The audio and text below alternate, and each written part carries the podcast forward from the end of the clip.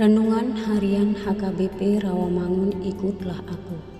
Jumat 21 Juli 2023 Dengan judul Saling Mengasihi di dalam Yesus.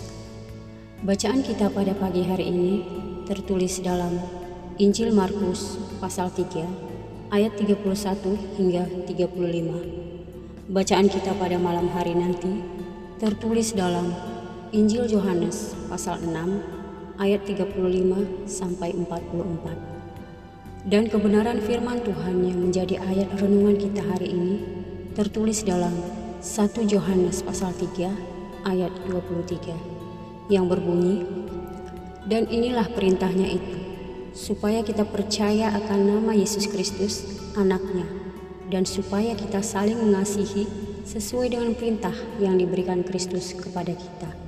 Demikian firman Tuhan. Sahabat ikutlah aku yang dikasihi Tuhan Yesus. Tindakan saling mengasihi tidak bisa lepas dari tindakan percaya kepada Tuhan Yesus.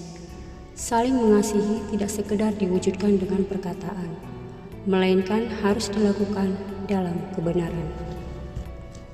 Perintah untuk percaya kepada nama Yesus Kristus menekankan kesatuan antara iman dan perbuatan, yaitu percaya kepada Tuhan Yesus dengan menunjukkan perbuatan mengasihi Allah dan sesama. Mengasihi juga berkaitan dengan kebenaran. Kebenaran juga melekat pada keberadaan Allah. Dengan demikian, mengasihi dalam kebenaran adalah mengasihi secara utuh dan tanpa kepalsuan di dalam Allah. Mengasihi seperti inilah yang harus kita terapkan dalam kehidupan kita. Mengasihi dalam kebenaran adalah ciri khas anak-anak Allah sebab mereka berasal dari kebenaran. Mengasihi adalah tanda nyata bahwa anak-anak Allah ada di dalam Allah dan Allah ada di dalam mereka. Mengasihi adalah cara hidup anak-anak Allah untuk mencapai keintiman dengan Allah.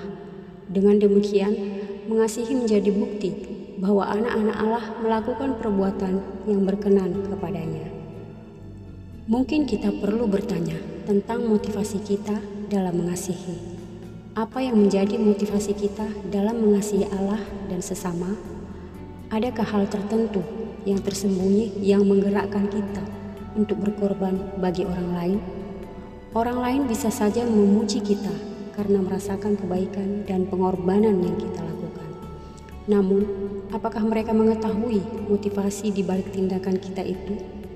Mari kita memurnikan motivasi kita dan sungguh-sungguh mengasihi. Biarlah Allah dan sesama kita tidak menemukan kepalsuan di dalam diri kita. Amin. Marilah kita berdoa. Tuhan Yesus Kristus, ajarlah kami untuk mau dan mampu mengasihi orang-orang lain dengan kasih yang sama yang kau berikan kepada kami. Kasihmu tanpa syarat, kasih yang murni dan setia, semoga kami boleh membawa kasih ini kepada orang-orang lain. Amin.